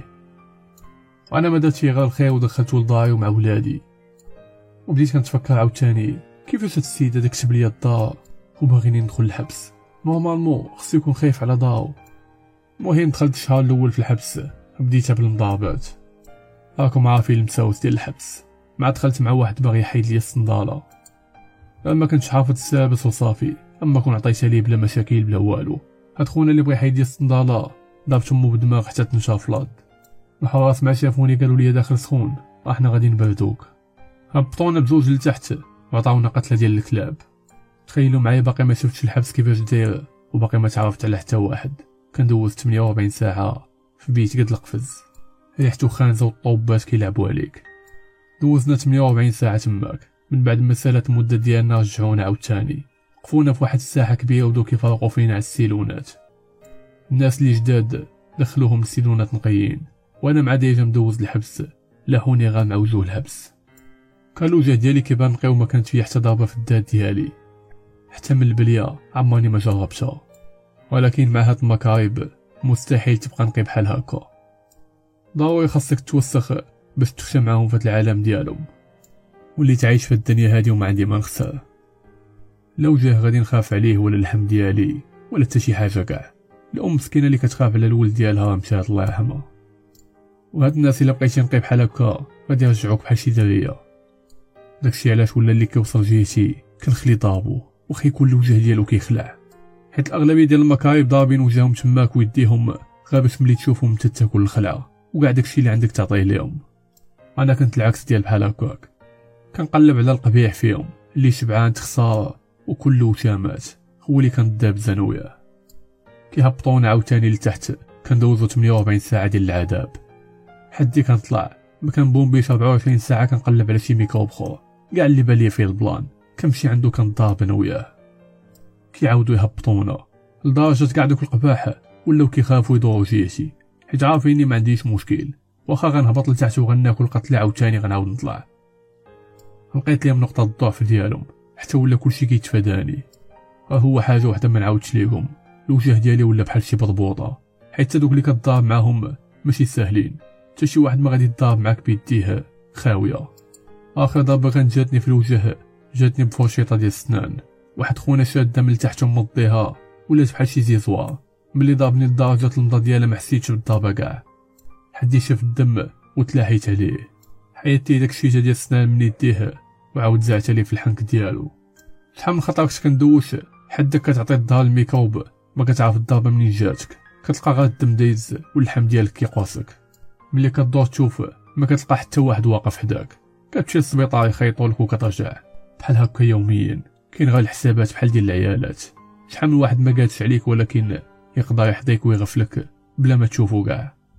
ما جيت فين نضرب معاه مع مونس. والله ما تعرفني كيفاش دخلت النهار الأول لدابا دخلت نقي وما فيا حتى نمشى دابا تشوفني تخلع. هادشي يلاه عامونس باقي لي عام ونص خا. تعاشرت مع واحد ثلاثة ديال المكايب. ما كيعرفوا تا هما غير الحبس والإجرام. وبديت كنبيع معاهم. كنبيع معاهم كلشي الحشيش. الفانيد المعجون. حتى بنادم كنا كنبيعوه. كان كيجي عندنا واحد كتافو قد ديال الحمار. كيبكي وكيطلب. على قبل طايفه ديال الحشيش؟ الدراري اللي معانا تيقولوا ليه. ولا بغيتي طايفه وما عندكش الفلوس راك عارف باش غادي تخلص. صدمت النهار الأول ملي شفت بنادم تيقول لهم ماشي مشكل نعطيكم اللي بغيتو غير عطيوني. تيصيفطو عند شي واحد اللي كيكون déjà مخلصهم وكيولي داك خونا بحال شي خدام عندهم تماك خونا كيبيع الدين ديالو والشرف ديالو على قبل طريفة ديال الحشيش ولا على قبل كارو شفت شي حوايج في الحبس اللي عمرني كنت كنتوقع تكون في الواقع كنت كنشوفها غير في الأفلام وكنقول هذا غير تمثيل وصافي ولكن ملي عشت فيه عرفت أن داكشي كاين بصح. وليت قبيح بزاف وما بقيتش نخاف من حتى شي واحد. واحد النهار كنت كنبيع في طايفة وشافني واحد الحايس سب لي الوالدة ديالي وقال لي جمع داكشي قدامي واش انت مريض ولا شنو؟ وصلت لحداه وجبت واحد الطاف ديال الالومنيوم وحطيتو ليه في الحنك ديالو. يلا كنت غادي نهود عليه. شي واحد الدري صاحبي كيشري وشد لي يديا قال لي صافي الله يحفظك زهير. زهير الله يحفظك. طلقت منه وقلت ليه آخر ما جبت سميت امي على فمك الحايس ولا صفا بالخلعة. آخر حاجة كان كيتوقع هي هادي. في الحنك ديالو كانت فيه واحد الجرحه صغيرة حيت كنت باقي الله غادي نهبط. مشى قال للشاف ديالو وهبطوني لتحت عاوتاني. عطاوني قتله ربع أيام وهما شاديني. بقاو الدراري كيطلبوا عليا شحال؟ عاد خرجوني من تماك. خرجوني مهلوك. تلاقيت مع الشاف ديال الحراس الفوق وقال لي هذا آخر إنذار ليك. المرة الجاية والله حتى تبقى تماك حياتك كاملة. كنت كاو ما قادر كاع نوقف. جمعت الوقفه بشوية بشوية. تقابلت معاه وأنا نتفلي على وجهه. ديشتي أنا؟ كنتمنى نموت هنايا. رجعوني لتحت عاوتاني وخلاوني شهر كامل. شهر ديال العذاب. كل ما حيدو داك الشاف ديال الحراس من تماك كنت غادي نبقى حتى نموت تماك. حدهم حيدوه وجابوا واحد آخر. طلعوني ورجعوني للسيلون ديالي. كنت شبعان قمل وشبعان وسخ. ولات حالتي حالة. واحد اللحية قداش هي؟ تشوفني ما تعرفنيش كيفاش كنت في الأول وكيفاش وليت. صراحة دوك الدراري اللي كنت معاهم واخا شمكا وقتالة ما فاتونيش. كاملين تعاملوا معايا. بقيت بشوية بشوية حتى رجعت كيف كنت في الأول. ولكن ما كتبش عليكم. الحراس كاملين ولاو عاطيني اتساع. حتى شي واحد ما كيدور بيا. لا من الحراس لا من المساجين. دوزت عامين ديال الحبس. ها هاد العامين كانت كافية باش ترجعني وحش. وحش ما كيرحم حتى شي واحد واللي جا قدامه ما غاديش يعقل عليه. واحد النهار كنت جالس مع الحباسة حتى كيوقع واحد الخبر اللي ما تخيلوش شنو هو. هو كايم تشد في الحبس. ضاربينو بشهر ونص صافي ومسخوط والدين ما لقى فين يجي جابوه لعندنا حدي شفتو عرفتو. كيفاش ما غاديش نعرفو هو اللي كان سبابي حتى حياتي تدمرات وليت بحال هكا. مشيت لعندو قلت ليه؟ مرحبا بيك راه كيشوف فيا وما عرفنيش. آه لهاد الدرجة تبدلت وجهي كامل مفشخ بحال شي واحد داولي عملية تجميل وغلطوا لي فيها. عاد زيد وسام اللي كنت ضارب في العنق ديالي كنت كنخلع. السيد كان كيهضر معايا وكان صفا بالخلعه قال لي واش كتعرفني؟ قلت ليه كنعرفك مزيان حتى إلا ما كنتش كنعرفك كاع غادي نتعرف عليك. المهم مرحبا بك. مرحبا بك في الجحيم. دوز معنا ربع أيام وصيت الدراري اللي معايا كاملين عليه. خليته واحد النهار حتى بغا يخرج من السيلون ديالو. وصيت الدراري وحبسوه في السيلون ديالو. وجبت معنا واحد الوين اللي ما كيرحمش ما كيعرف لا مرا لا راجل. قبيح وأي حاجة قلتيها لي كيديرها حتى هو على قبل طايفه دخلت عند كريم السيلون ديالو قلت لها ما غاديش تخرج أنا اللي حبستك هنايا. دابا غادي نقول لك شكون أنا. العشرين ديالي مشاو عند الحراس وكيلاهيو فيهم بالهضرة. أنا بقيت أنا وكريم بوحدنا في السيلون. وأنا نقول ليه كي داير مروى لاباس عليها. حد قالت لي بحال هكا وقف وبغى يدير لي الزبال اللي déjà دارها لي الوالد السلام زهير كي داير لاباس عليك؟ مع قرب حدايا مع جبت واحد طونشي وأنا نحلي الحنك ديالو. شبعت فيه تفاشيخ مزيان تماك وجبت ليه داك الوين وخليته منو ليه تكافص عليه مزيان. خرج من السيلون ومشى عند الحراس كيتشكى عليهم جاو عندي الحراس وقلت لهم ما دارت ليه والو. قالوا لي إحنا ما سوقناش حنا غادي نقدموكم بجوج ومنكم ليه. الدراري اللي كنعرف كاملين قالوا ليه. والله تقدم توياه حتى غادي ندفنوك هنايا. والله لا جاب الخبار ديالك شي واحد. رجع عند الحراس وبدا كيطلب فيهم غير باش يتنازل وما بقى باغي والو. لهم حتى شي واحد ما ضافني. غير كذبت عليكم. شديت كايم دوزت عليه داك الشهر ونص كله عذاب. يوميا تقريبا كانوا كيغتصبوا جوج ثلاثة. شديت ليه الوجه ديالو خصاتو ليه. كيف تخصها ليا وجهي؟ قلت كان بالإمكان ديالي نحيك هنايا. وتا شي واحد ما الخبار. ولكن أنا بغيتك تمشي. باش توصل للوالد هاد الخبار هادي. قول ليه زهير قد ما طول في الحبس غادي يخرج واحد النهار. غتسناوه. كمل الميكرو بشهر ونص وخرج بحال مدوز عامين ديال الحبس. من بعد ما خرج 15 يوم جاو عندي واحد النهار واستدعوني للمحكمة. قالوا لي السيد كيتهمك باللي اغتصبتيه ودرتي ليه شحال من حاجة. كانت اختو والوالد كلهم واقفين وجايبين المحامي ديالو.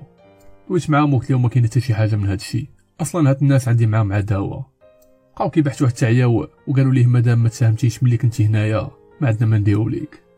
واحد الوقيتة كندور كنشوف الوالد كيشوف فيا وفيه الخلعة. حيت فعلا وليت كنخلع. داز تقريبا شي 15 يوم جاتني واحد الزيارة.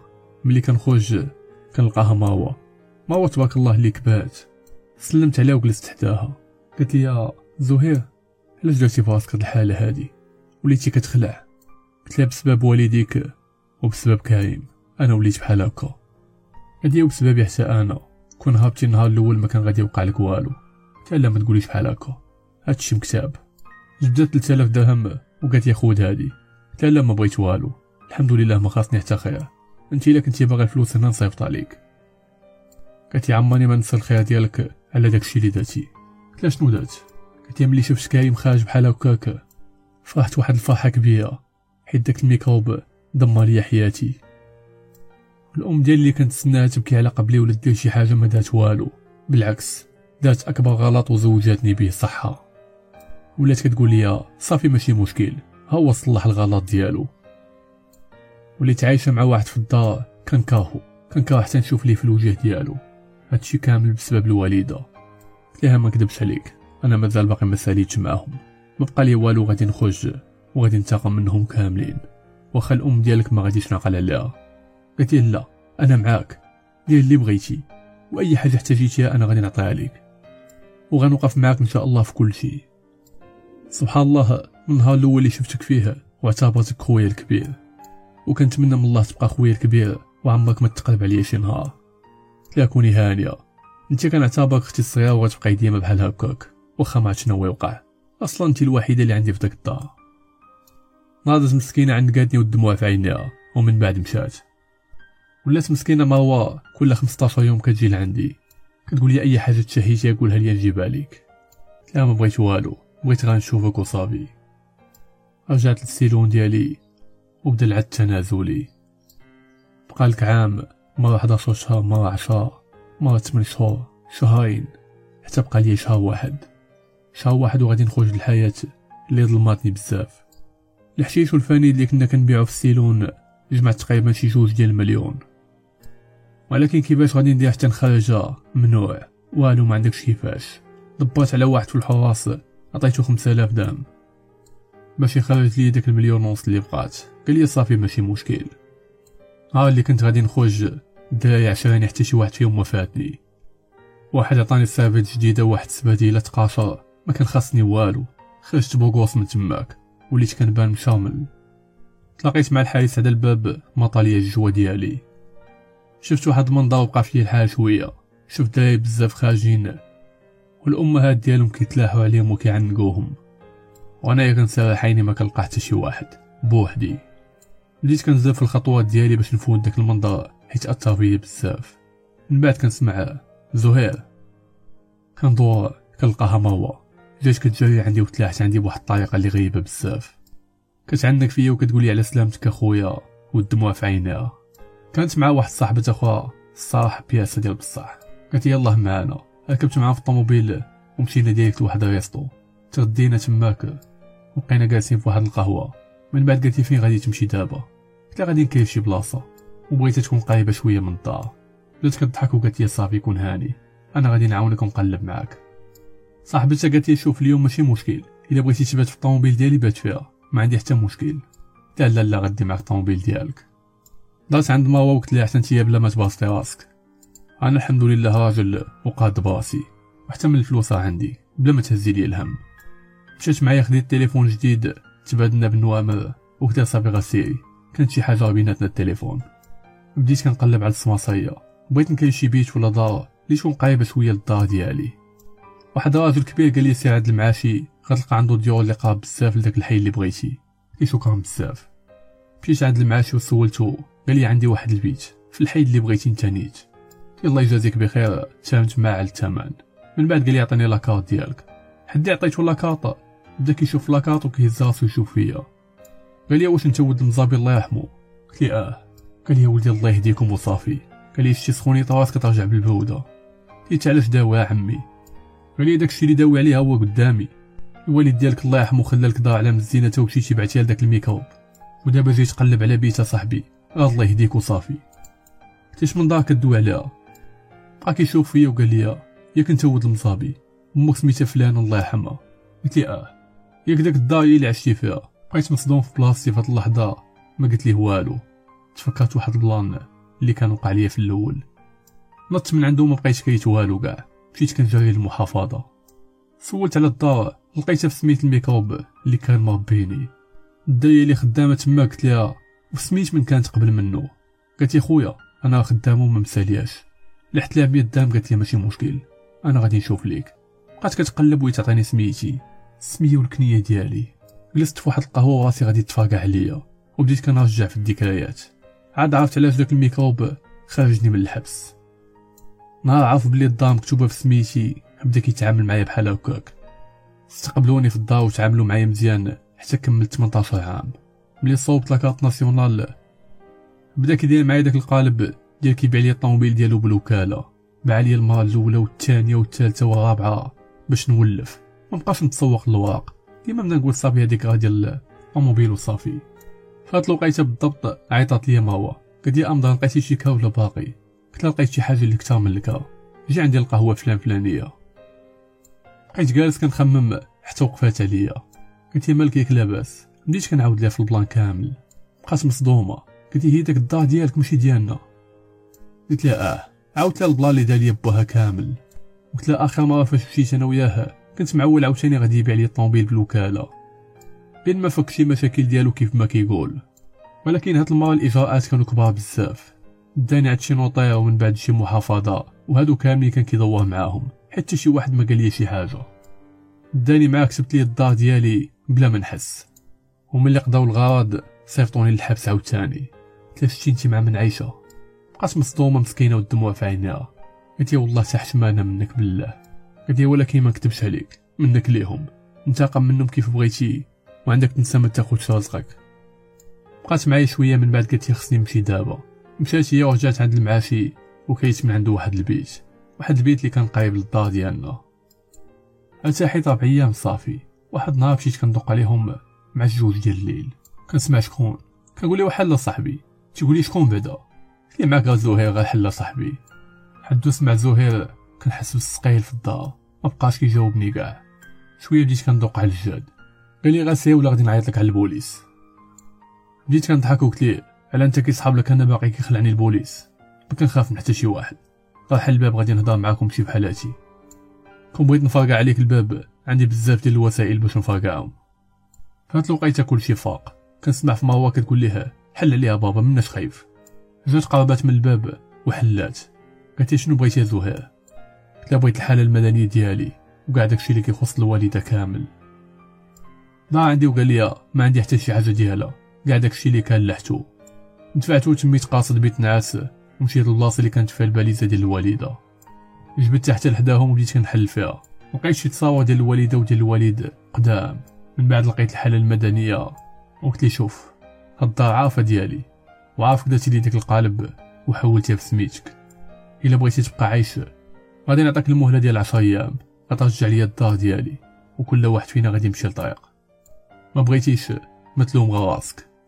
هاد اللحظة نقزات مروه وبدات كدوي مع باها واش بصح الدار سميتو هو. كيفاش هاد البلان هذا؟ فهمني. داكشي اللي قلتو لها في القهوة عاودتو لها قدامو. باش عارفني راني عاقت به وعارف كلشي بدا كيشوف فيا وقال لي ما عندك ما تصور دابا. كلشي في سميتي. مروة بقات كتشوف باها وقالت ليه واش من نيتك؟ بغيت تعيش في دار ديال واحد يتيم. ما عندوش الوالدين ديالو. شبع فيها سبان وقال لها سير البيت ديالك. خرج داك الميكروب ديال كريم وجا باغي يضارب معايا تيسير تجلس ولا غادي نقول لهم شنو وقع لك في الحبس. حدا راسو ما بقاش قادر يهضر مازال. أما مرتو كانت كتشوف فيا وكانت كتخنزل فيا واحد التخنزيرات اللي خايبين وكانت كرشه منفوخه باينة حاملة. ساعة ساعة كتقول لي عطينا بالتساع شنو بغيتي عندنا؟ بقيت كنشوف فيها وما جاوب ما والو. دارت لعندو قلت لي شوف عندك خمس أيام. يلا تهلا. خرجت من الدار ومشيت directe للبيت ديالي وبقاو هما جالسين مصدومين كاملين. الغد ليه عيطات ليا مروة بقات كدوي معايا شحال؟ قالت لي برافو عليك. والله البارح ما شافو النعاس كيفاش داير. عطاتني النمرة ديال باها وبديت كندوي معاه في التليفون. قال لي منين جبتي نمرتي؟ قلت شوف أي حاجة بغيتها غادي نوصل لها. وانت شي حاجة ما بقات كتخلعني في هاد الدنيا. اخيب ما كاين في هاد الدنيا هو الحبس. دوزتو ظلما. بسببك أنت وعائلتك. وانتوما غادي تخلصوا دابا. قطع معايا وداز نهار الثاني. نهار الثالث عيطات ليا ماوا قالت لي شوف راه متفقين عليك وباغيين يصيفطوك للحبس وهاد المرة ملي غادي تدخل الحبس غادي يبيعوا الدار وغادي يهابوا قالت لي أنا غادي نعاود لك كلشي راه الوالدة اتفقات هي والوالد باش يعيطوا عليك ويتفقوا معاك على كلشي ويتكاتبوا معاك زعما في الدار. ولكن ملي غادي تدخل غادي يسدوا بالساوت وغادي يضربوا معاك. والوالدة باغا طيح داكشي اللي في كاشا وتلصق لك نتايا. باش نهضر معاه شحال وقلت لها هادشي كامل اللي كتقولي فيه شكرا بزاف. ولكن الحاجة الوحيدة اللي بغيت نعرف أنت كيفاش أمك في لاج وحاملة؟ قالت الوالدة راه تزوجات صغيرة راه مع الزواج كتبان لك كبات باقي الله عندها دابا 37 عام. لا شكرا بزاف هو. وقفتي ضد عائلتك على قبلي. قلت ما عرفتش كيفاش غادي نرجع لك الخير ديالك. قلت الخير ديالك عارف كيفاش ترجعوا ليا. هو تفرقني من هاد الميكروب هذا. راني كنتعذب نهار على نهار. قلت صافي جاتك. هذاك حالو ساهل خليه عليا. اتفقت أنا هو على كل شيء ووصيته شنو غادا دير. داز نهار رابع عيطت على الميكروب. قلت يبقى لك نهار واحد. قسما بالله ما غادي نعطلكم كاملين. حتى غادي نمشي عليكم الحبس كلكم. قال لي صافي صافي. غدا إن شاء الله جي لعندنا. قلت ليه معاش. قال لي في الليل. واش كاين شي واحد كيتكاتب في الليل؟ قال لي ماشي مشكل سيدي. أنا غادي نتنازل لك على كل شيء. ما بقيت باغي والو في هاد الدنيا. هو كيهضر وأنا كنقول ليه في خاطري. الله ينزل عليك النعلة. درت أنا وياه مع الجوج ديال النهار دويت مع وقلت ليها. من الأحسن ما بغيتكش تكوني حاضر. حيت داكشي اللي غادي يوقع. وبغيتك تشوفيه ويأثر عليك في حياتك. قالت لي شوف أي حاجة غادا ديرها والله ما غادي يبقى فيا الحال. أنا بغيت حاجة وحدة. خويا اللي صغار مني ما يوقع ليه والو. حيت هو ما عنده حتى شي ذنب في هادشي كامل اللي وقع. لا خوك الصغير ما كاينش اللي غادي يأذيه. هو من الأحسن ما بغيتوش يكون حاضر حتى هو. غادي صافي يكون هاني ما غادي تجي انت. حتى والله ما عرفت الوقت اللي غادي نجي. قالت شوف جي مع الجوج مزيانة. شدات خوها الصغير داتو عند واحد السيدة خدامة في الحضانة. عطاتها 100 درهم وقالت لها خليه عندك. ومشيت لعندهم أنا مع الجوج دخلت لقيتهم معمرين براد ديال اتاي مع دخلت سد الوالد الباب بالساروت قلت ليه شنو غادي نديرو هنا دابا؟ قال لي اخو شرب اتاي بعدا. قلت لي شنو؟ شرب اتاي يعني أنا مازال باقي نتيق فواحد بحالك. قول شنو بغيتي وخلينا نقضيو الغلط دغيا. عندي بزاف ما يدار. تخيلوا معايا الخوت في ظرف خمسة دقائق. دار تهونات خرج داك الميكروب ديال كريم وبدا كيشقلب في المواعن وكيهرس التلفازة. شطب قلبة كاملة. أنا جالس كنتفرج فيهم ومروة واقفة في القنت كتشوف من بعيد. من بعد ناض السيد اللي وليت نحشم نقول ليه الوالد جمع الوقفة هز يدي حتى الفوق ويضرب مراتو للكرش طاحت للأرض كتغوت وبدات الدماية تهبى تلاحو عليا بجوج بغاو يتحاماو عليا. كريم غفلني بواحد الكاس وضربني الجبهة ديالي وليت كل عام دم. أما السيد كنت كنقول ليه الوالد جا شنق عليا وقال لي والله ما نتفاكم معاك اليوم غنغبى أمك في الحبس. بقيتي كتقلب عليا وأنت غادي تلقاني دابا. أنا ما درت حتى شي ردة الفعل. بقيت كنشوف فيهم كيتاكلوا بجوج وأنا غزاقي حتى من البوليس كان déjà معيط عليهم. ما كاملاش عشر دقايق حتى كنسمعوا البوليس كيدقوا في الباب. مروة واقفة كتشوف أمها كتموت حداها. والله ما تسوقات ليها حيت بسبب دمرت حياتها باها كيعيط عليها وتيقول لها زيدي حلي الباب. كتشوفيه وكتقول ليه حلو انت نيت أنا ماشي شغلي. كانوا شانقين عليا بجوج وتا شي واحد فيهم ما قادر يمشي يحل الباب. واحد اللحظة كريم قال لي شتو شتو مزيان أنا غادي نمشي نحل الباب. مع طلق كريم مع ضرب السيد اللي كنت كنقول ليه الوالد بدماغ هو يطلق مني. تبعته ومشيت كنجري directe للسطح السطح ديالي حافظو مزيان وحافظ كاع السطوحه اللي حدانا بديت كنقز من السطح للسطح حتى خرجت واحد الدار وهبط directe للبيت اللي كاري بدلت الحوايج ديالي ضربت واحد القبية وكاسكيطه ومبقيتش كنتعرف في الوجه ديالي. من بعد قربت حدا الباب وشفت l'ambulance وقفات وهبطوا داك الميكروبا وداو للسبيطار. شديت الطاكسي ديالك للسبيطار اللي قريب لينا. سولت واحد الفاميليا تماك على واحد السيدة يلاه دخلات دابا. عطاتني النمرة ديال ال chambre ديالها. بقيت كنقلب عليها حتى لقيتها. لقيت بزاف ديال الأطباء مضاربين معاها على الأقل باش يعتقوها غا هي أما الدري مات بقيت كنشوف هاد الميكروبه اللي مغامرة بحياتها وافقات باش يدير لها هاد الحالة هادي على قبل الدار. الدار اللي عارفاها ماشي ديالهم وديال واحد يتيم. ما كامله سبع دقائق كيبان لي الميكروب وصل هو وكريم وبنته مروه بعدت من حداهم ودبرت على واحد الطابلية. اللي لقيتها معلقة في واحد القنت. درت واحد ال bavette مبقاوش كيشوفوني كاع. وخليت حتى السيدة ولات بخير وخرجوا من عند الأطباء ودخلت لعندها. مع دخلت حيدت البافيط وبقيت كنشوف فيها. حتى جات الوقيتة اللي غادا تخلصي فيها. وبديت كنعطيها واحد كوشيات للكرش خليتها كتوجع. ضربتها شي ضربات اللي عرفتها ما غاداش تنوض واخا ما شنو يجيبوا ليها. حيت السيدة أصلا يلاه فاتحة. بقيت واقف حدا واحد شوية حتى بانت لي ما بقاتش كتنفس. ومن بعد خرجت من واحد السرجم اللي كان كيطلع على الجهدة. مشيت في حالاتي directe للبيت. بقيت كندوي مع ماما شحال. شوية قالت يلا نخليك دابا. راه عيطوا علينا باش ندخلو نشوفو الوالدة.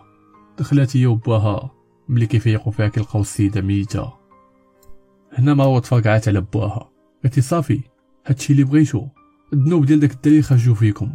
أنت قتلتي مرتك بدا كيسد ليها فمو قدام الناس. دارت لي الشوهه ديال بصح. طلع عند كريم وقال ليه شد مرتك اصاحبي شد مرتك غادا تخرج علينا. مشى عند شي طبيب وقال ليه كيف السيدة ماتت؟ قال لي والله ما عرفنا كيفاش. قال لي غتكون موتة ديال الله. قال لي السيدة كانت بخير صحة سلام. حتى جينا لقينا مول الامانه دا امانتو البركه في راسك. المهم البوليس كيقلبوا عليا. قالت يا مارو ما تبقاش تخرج بزاف. حيت حدك غادي تخرج غادي نشدوك. الحناش غا كيدورو في داك الدب؟ حيت بابا عطاهم فلوس صحيحة. لا صافي كوني هانية. رد لي كتبان لي تبنات واحد الخيمة كبيرة. جاو العزايه عزاو وبدات كتخوى الدنيا. من بعد تقريبا شي خمس أيام صيفطات ليا مروة audio. audio مسجل ديال الأم ديالها كدوي مع راجلها وكيتفقوا عليا كيفاش غادي يصيفطوني للحبس. وأن السيد اللي كان الوالد ديالي كيقترح عليها باش طيح داكشي اللي في كاشا ولصقوا فيا أنا ويصيفطوني للحبس. ماما مسكينة كاع داكشي اللي وصيت عليه داتو نهار اللي وقعت الواقعة كانت واقفة بعيد وشاده التليفون وكتفيلمي وصورت اللقطة كاملة. كيفاش حتى دخلت وجلست والسيد مشى جاب الوراق وجا من بعد ناض كريم ودار داك الروينه زعما. وشدات اللقطة ديال داك الميكروب فاش هز يديه حتى الفوق وضربها للكاش وهبطات غارقة بالدمايات ديالها. صورت داكشي كامل. شديت الفيديو وخليته عندي. من بعد تقريبا شي عشرين يوم شديت داك ال audio صيفطو للسيد اللي كان الوالد ديالي. ما صيفطو ليه بدا كيعيط قال لي شكون نتايا تي هو اللي نسيتي ولدك؟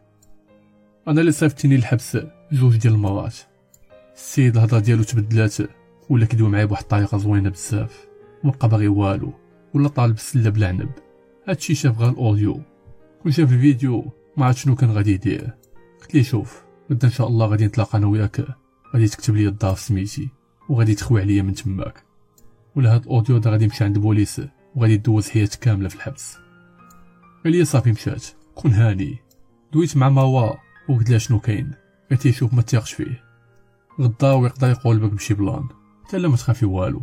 صافي دابا كلشي بين يدي. قلت لي غادا نقول لك؟ أنت تعرف. دات مع الغد ليه تلاقيت أنا وياه. مشينا بدينا كنجيو في الواقع. حتى واحد شوية كيوقفوا عليا واحد جوج. قالوا لي أنت هو فلان. عينا ما نقلبوا عليك. لي غتهضر معاهم؟ يا غادي نوريهم audio الفيديو بدا كيضحك وقال لي وراه ليهم دابا نشوفو نيت راه عندي داك الشاف وقال لي شنو عندك تماك كاينة شي حاجة قولها. قلت لي ماشي هنايا؟ حتى نمشيو لل commissariat وغادي نتعرفوا كلشي تمو غادي نبيو طلعوني سطافيط وما يحيدوا لي التليفون. قلت الشاف عطاني التليفون ديالي. هذاك هو اللي فيه البراءة ديالي. قال شنو هو هذا؟ ويشدو ويطاردقو على جوج. حطو في الأرض وبقى كيشتف عليه حتى تفاتت مزيان داك التليفون. ومن بعد دخلوني الكوميساريه الكوميسار مع شافني عطاني واحد الصفيقة. اللي وليتي تا صعصع ديال الدب هذا. داخل على الناس وقاتل السيدة. وعيش حياتك عادي بحال ما وقع والو. هاد المدة كاملة اللي دوزتي في الحبس. باقي ما بغيتيش تعيق. تيشاف راه كاين غلط. هاد السيدة هو اللي ضرب ماتو. بدا كيضحك وقال لي وين التسطيه هادي؟ باقي ما بغيتيش تحشم. هبطوا عليا الزبل من هنايا. هبطوني ولاد الحامل تحت. عطاوني قتله ديال الكلاب. وتيقول لي واش غادي تعترف ولا لا؟ كنقول لهم آه صافي غنعترف بكل شيء كنطلع الفوق كنقول لهم أنا ما درت والو. السيد هو اللي ضرب ماتو كيهبطوني لتحت عاوتاني كيعطيوني قتلة. حتى رجعوا لي لحمي كامل مدغدغ. بت ديك الليلة تماك لغت لي مع 9 ديال الصباح دوزوني عند الوكيل. الوكيل لقيتو نفس الوكيل نيت. هاد المده كاملة اللي دوزت ديال الحبس. كندوز عنده غير هو. مع شافني قال لي قول لي عاوتاني مظلوم قول لي ظلموك. وانت مسكين ما درتي والو. اش غادي نقول لك الشاف أنا ما غادي نقول والو. الله سبحانه وتعالى اللي غادي يبين الحق. من بعد دوزوني للمحكمه في الوقيته ديال المحكمة ديالي جا عندي واحد المحامي. محامي عمرني درت شي محامي في حياتي. قال لي أنا اللي غادي ندافع عليك. تي وشكون اللي مخلصك أنت؟ قال لي أنت ماشي شغلك. سولني على شنو وقع عاودت لي كلشي مشى في حالاتو. الغد اللي رجع عندي قال لي غتسيني لي على هاد الورق هادو. تي ديال هاد الورق شديتهم بديت كنقرا فيهم. لقيتهم ديال الملكيه ديال الدار. قالت لي السيد بغا يكتب لك الدار كاملة في سميتك قلت لها ما يمكنش. كيفاش تنزل بحال هكا وأنا أصلا غادي غادي الحبس كاين شي plan ماشي هو هذاك. وأنا ما بقيت كنتيق في حتى شي واحد. قلت سمحي لي ما غاديش نسيني. جبدت التليفون ديالها وهي تعيط. جاوبات ما هو وقالت لي غسيني هذاك راه حقك. سينيت والدار ولات سميتي من بعد قالت لي ما تخاف والو. ما غادي تدوز حتى نهار في الحبس هذا.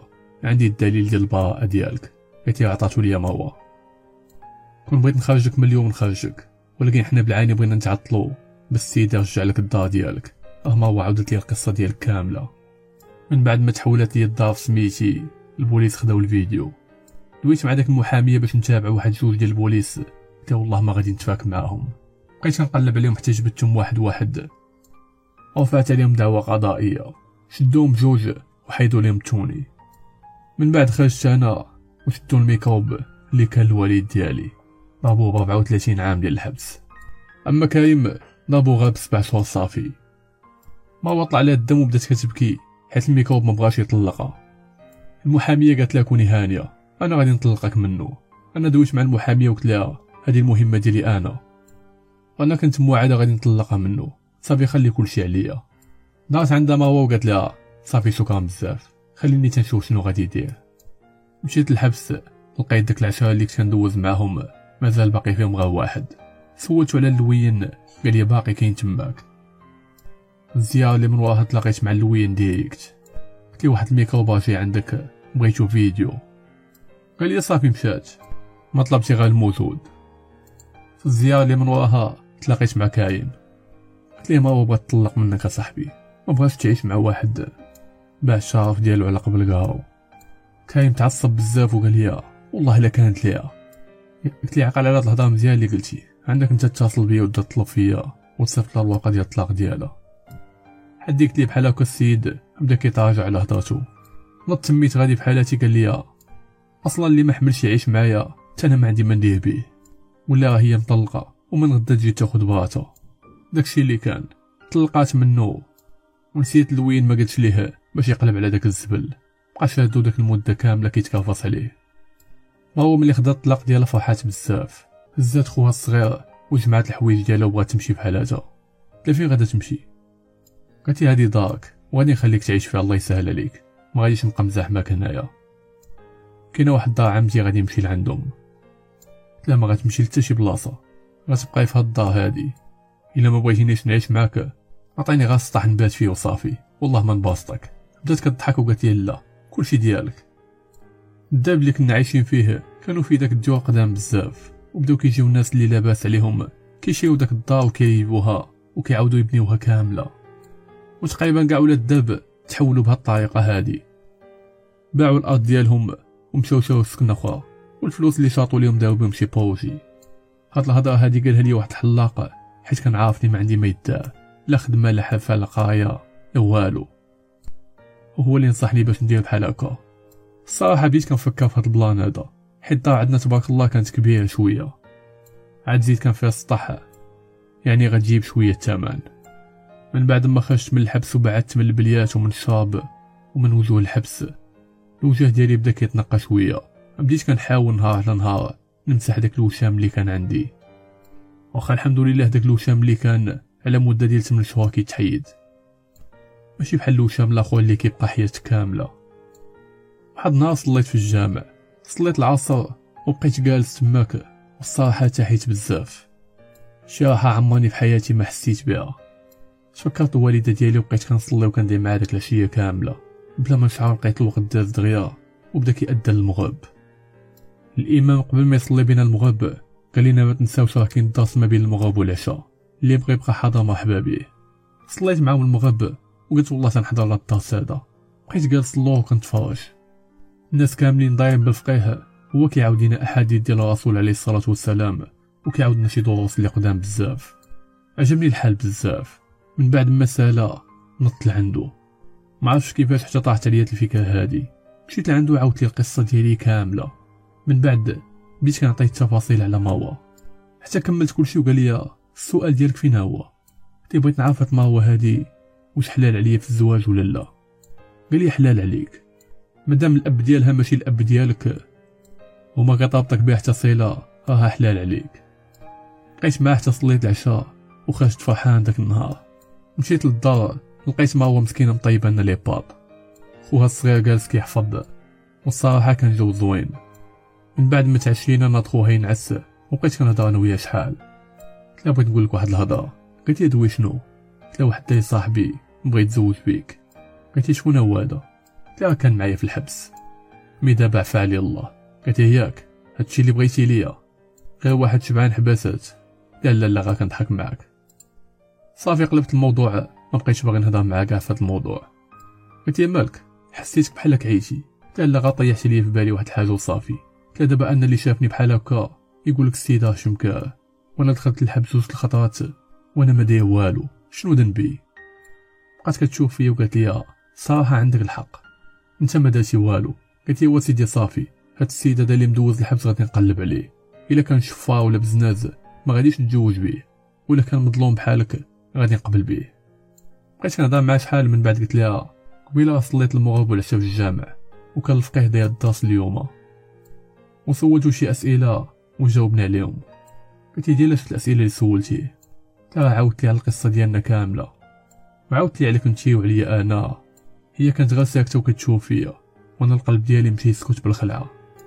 بقات ساكتة وكتصنت ليا. من بعد قالت إيوا كمل. كراه سولتو واش انت إلا بغيت نتزوج بك دايزه ليا ولا لا؟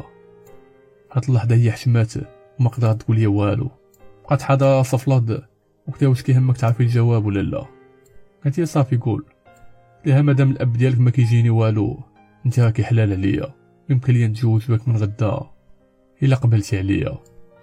قلت لي على سلامتك أنا سولت على هذا الموضوع هادي شحال هادي وكنت عارف هادشي كامل.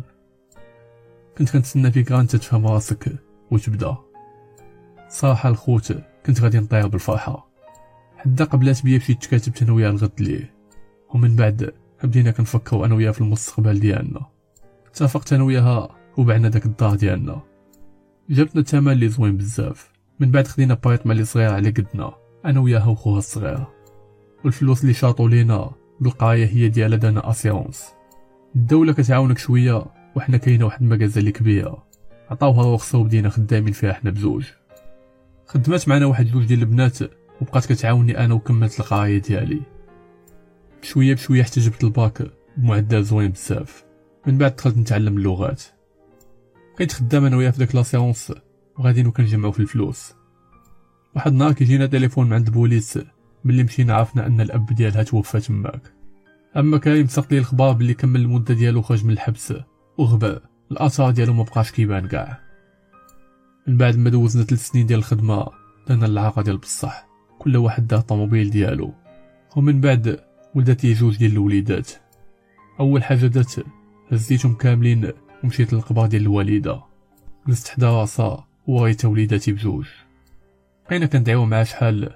ومن بعد مشات هو حتى هي زارت أمها ودعات معاه باش ربي يغفر لها أما خويا الصغير تبارك الله كبر وصيفطنا لكندا يكمل القراية ديالو. حتى لهنا الخوت كتكون سهلة القصة ديال اليوم. كنتمنى تكون عجباتكم بزاف كنشكركم بزاف بزاف على الدعم ديالكم. اللي كمل القصة حتى لهنايا ما ينساش يعطينا شي des likes. وما تنساوش تكتبوا لي في ال commentaire ات القصة اللي جاية علاش بغيتوها تهضر أغلبية كيقول لي قصة ديال الجن ولكن ملي كنديرها ما كنلقاش فيها التفاعل بزاف. ولكن إلا بغيتوها كومونطيو ليا بزاف وإن شاء الله غادي نحطها. نتلاقاو في قصة آخرى الخوت تهلاو.